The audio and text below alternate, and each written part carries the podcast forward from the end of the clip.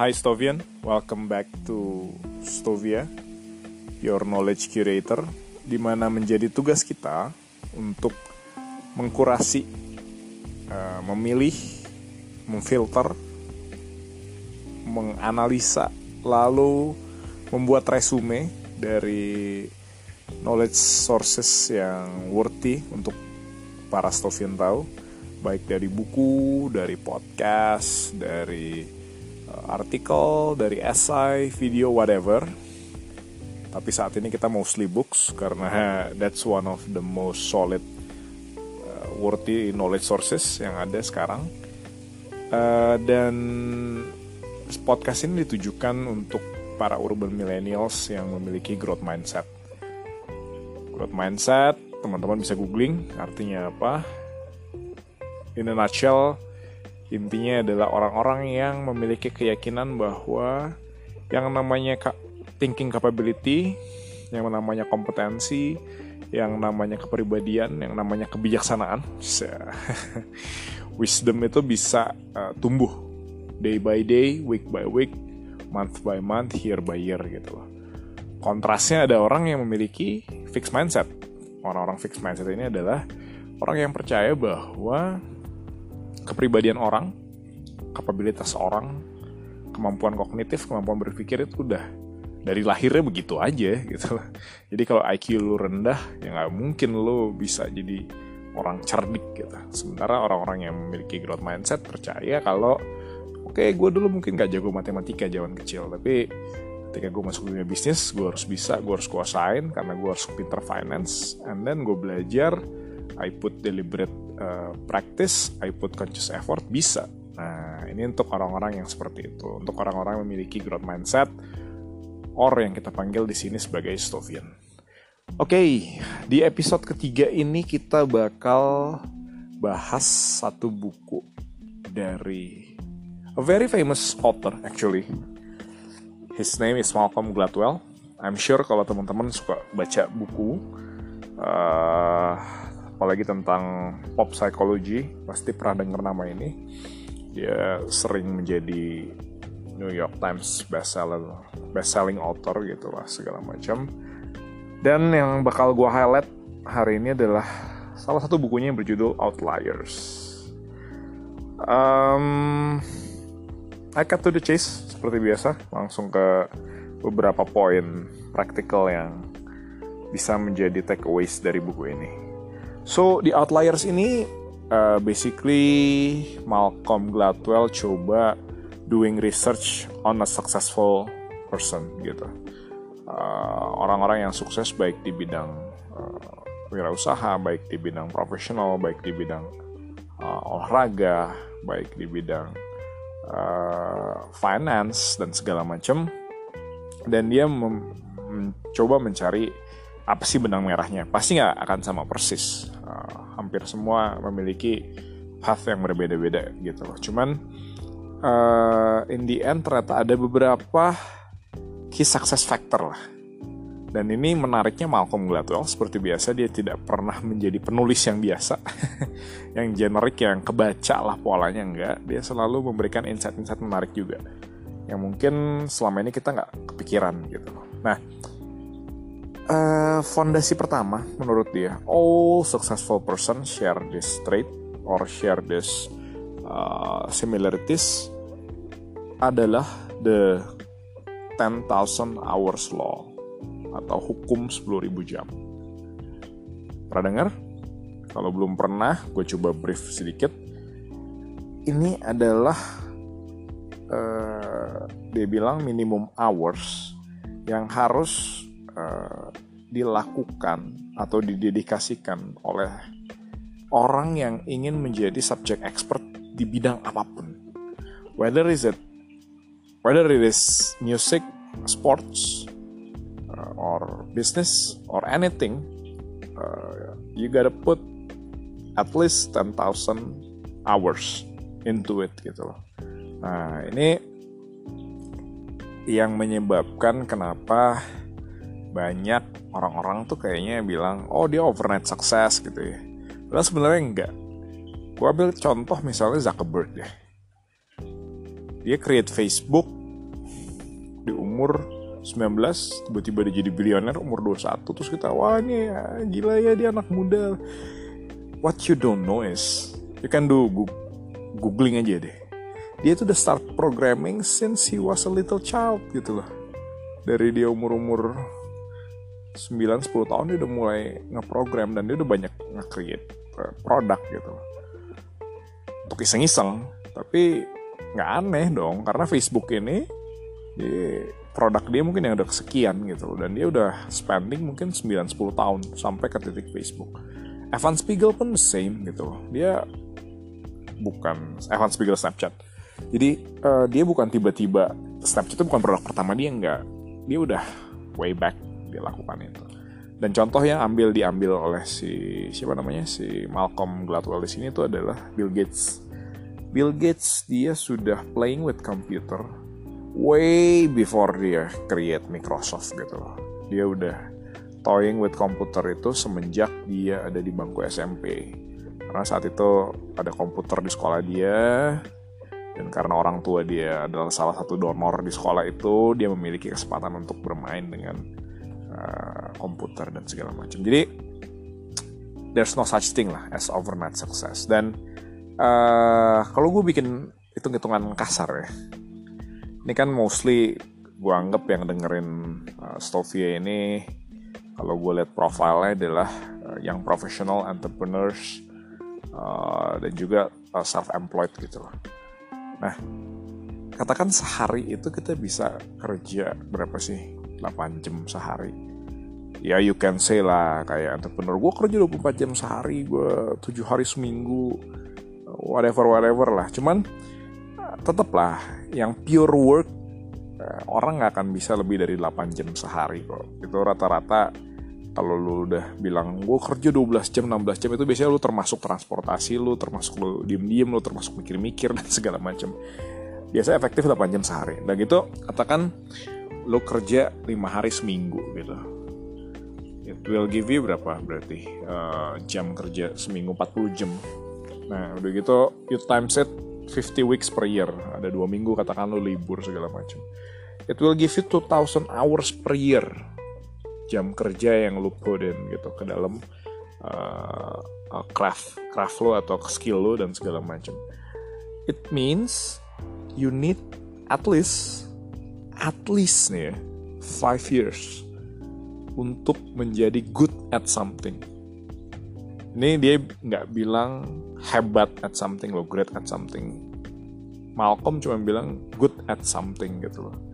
Jadi nggak ada ceritanya lu sekarang create bisnis baru hari ini bikin besok udah mau jadi Bill Gates yang mungkin gitu loh atau uh, lu mulai nyanyi hari ini bikin video YouTube besok lu udah jadi Raisa nggak mungkin gitu atau lu jadi bikin YouTube YouTube prankster prankster kan hari ini bikin besok tidak tak halilintar yang nggak mungkin gitu. That's that's not gonna cut it gitu loh. Itu nggak mungkin. Jadi at least you spend five years gitu loh untuk um, being good at something.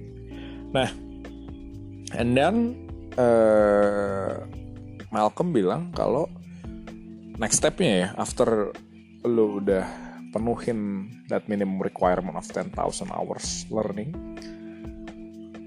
masuk ke tahap berikutnya yang dia bilang tuh skill udah menjadi uh, semua sama ketika lo mau compete nih oke okay, semua udah punya skill yang mencukupi, skill yang mumpuni. And then banyak faktor yang ma mulai masuk nih after skill gitu. Karena perbedaan skill masing-masing katakan penyanyi berapa banyak katakan penyanyi. Berapa banyak sih sebenarnya penyanyi yang bisa nyanyi lebih bagus daripada Raisa? Mungkin banyak. Atau juga. Mungkin. Ya kan sih? Karena gue rasa kayak teman-teman gue dulu kuliah pun ada beberapa yang suaranya bagus dan mungkin nggak kalah sama Raisa. Tapi ada mulai banyak faktor main di sini gitu loh. Background keluarga lu misalnya. Uh, nah ini gue sukanya Malcolm gitu. He's very very realistic network lu uh, social uh, circle lu gitu loh. Dan termasuk keberanian lu termasuk kepribadian lu gitu loh. Nah ini akan play uh, key part di sini gitu. Dan dia bilang uh, kalau skill kunci itu adalah practical intelligence. Nah, ini uh, istilah yang dicoin oleh si siapa namanya si Malcolm Gladwell. Practical intelligence apa sih? Simple banget. Intinya adalah understanding social uh, dynamics around you gitu. Maksudnya apa? Mengerti siapa yang harus kita network with, apa yang harus kita minta, dan gimana cara mintanya sih. Sesimpel itu. Ini orang suka ngomong ya soft skill, ya, kemampuan uh, social skill dan segala macam ya. Ternyata bener gitu. Memang practical intelligence kalau bahasanya si Malcolm Gladwell itu ternyata play big part, a big chunk of a successful person. Karena hampir nggak ada uh, orang yang bisa achieve something great by himself or herself gitu. Hampir hampir hampir nggak ada lah. Semua pencapaian hebat pasti itu adalah uh, hasil kerja tim. Ya kayak misalnya tadi gue ambil contoh Raisa ya mungkin dia sekarang hebat tapi nggak mungkin dong dia sendiri. Pasti ada manajer ya pasti ada produser ya pasti ada label ya pasti ada banyak sekali gitu. Dan yang tadi gue bilang mungkin banyak yang bisa nyanyi lebih hebat dari Raisa tapi mungkin nggak banyak yang bisa assemble tim kayak Raisa. Okay. kalau ngomongin cantik misalnya fisik banyak lah yang memiliki fisik menarik juga kayak Raisa suara bagus kayak dia. Cuman ya mungkin mereka nggak punya practical intelligence sehebat Raisa. Gitu.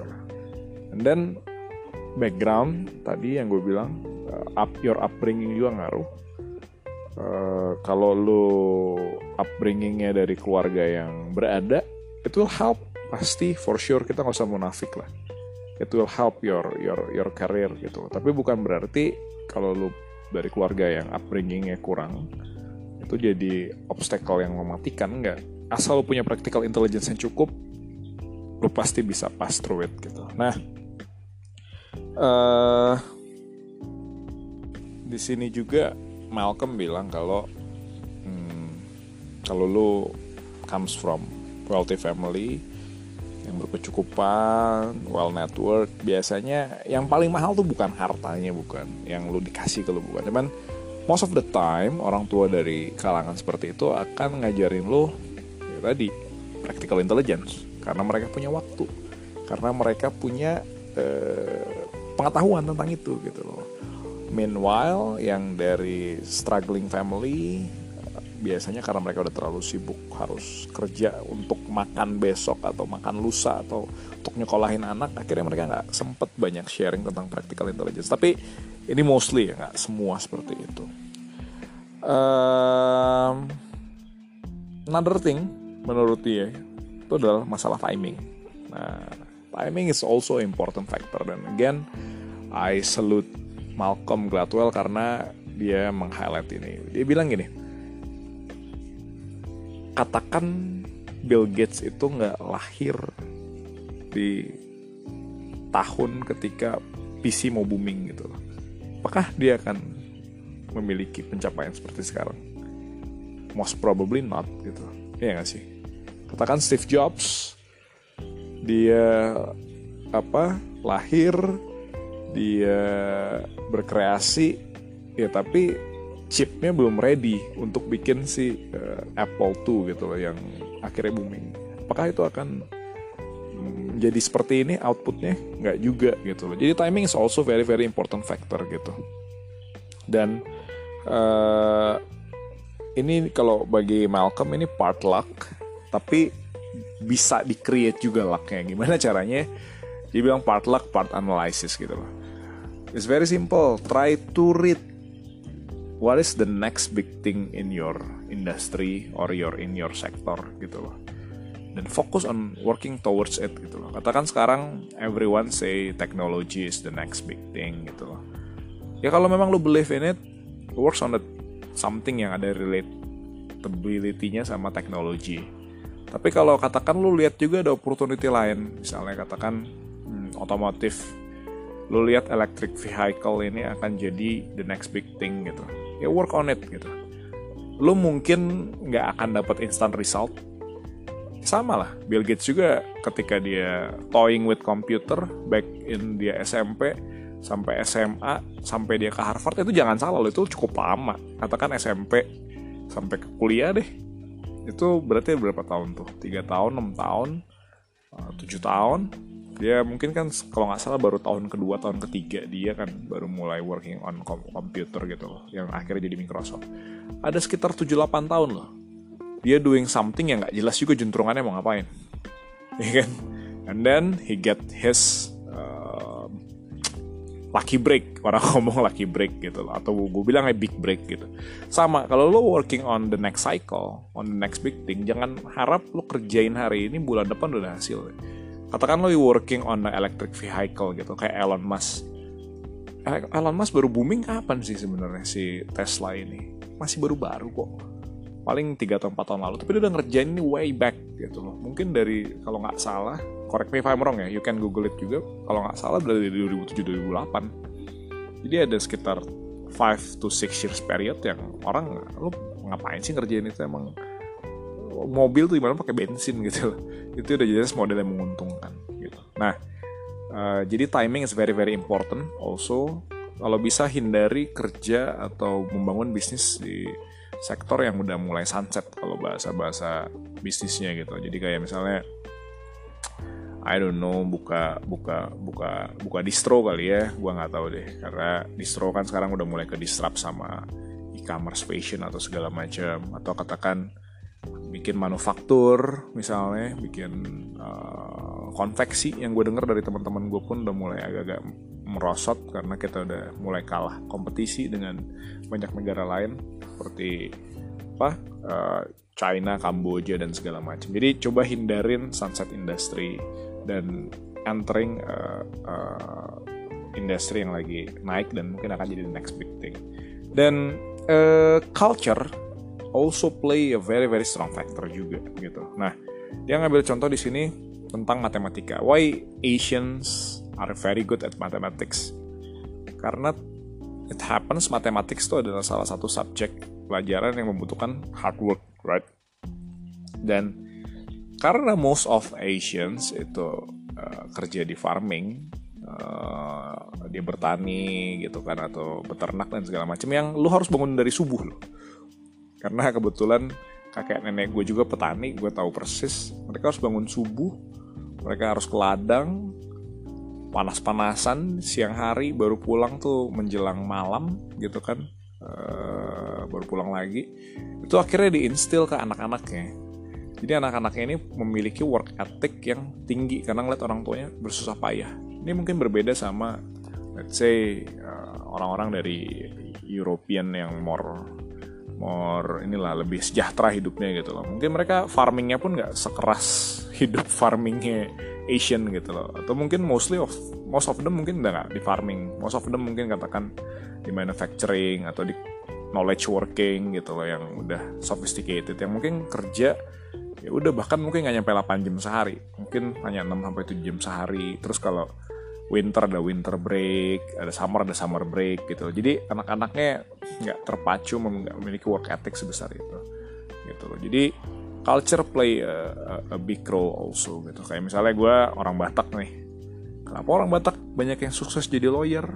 Ya karena di culture Batak itu sudah diajarkan ngomong dari zaman kecil gitu loh. Kalau kita tahun baruan sedikit cerita kita selalu keliling gitu dan semua orang disuruh ngomong tentang kesan dan pesannya selama setahun ke belakang itu gitu. Loh dan kalau ada yang mau disampaikan ada yang mau dikritik dari pihak keluarga lain bayangin anak kecil tuh udah boleh ngeritik orang dewasa bahkan gitu loh. Zaman gue uh, dulu masih kecil udah boleh tuh. Kalau misalnya mau minta maaf juga boleh mau mengkritik boleh mau menyampaikan nasihat bayangin anak kecil udah boleh ngasih nasihat loh dan itu di encourage di Batak jadi nggak aneh kita jadi jago berargumentasi jago berdebat dan segala macam jadi itu ada beberapa key takeaways dari bukunya Malcolm Gladwell, The Outliers. Yang pertama, to be good at something you need 10,000 hour uh, rule atau 10,000 hour law. Di mana lo perlu put uh, tadi itu hitungan kita, seenggaknya 5 tahun untuk being good just good ya. Gue nggak bilang great good at something qualified at something. And then dari situ ketika skill udah mencukupi lu masuk ke kompetisi di kompetisi skill jadi nggak play not a big part bigger bigger part anymore. Practical intelligence mulai comes in. Practical intelligence simply adalah kemampuan lo untuk uh, berdinamika dalam social structure ya. Di sini juga ada uh, upbringing sudah mulai bermain di sini. Latar belakang keluarga lu seperti apa? Uh, timing is also very important juga. Jadi try to read the next big thing apa and work on it. Dan juga uh, culture is a play a strong factor gitu. Jadi kalau kita menganalisa something, coba lihat dari whole different, eh a whole uh, complete perspektif lah. Jadi kalau kita menganalisa kesuksesan orang, jangan hanya lihat dari satu sisi. That's the key message I get from this book. Oke, okay, uh, para Stovian, hopefully this episode be a value for you. Stay tuned for the next episode. See you.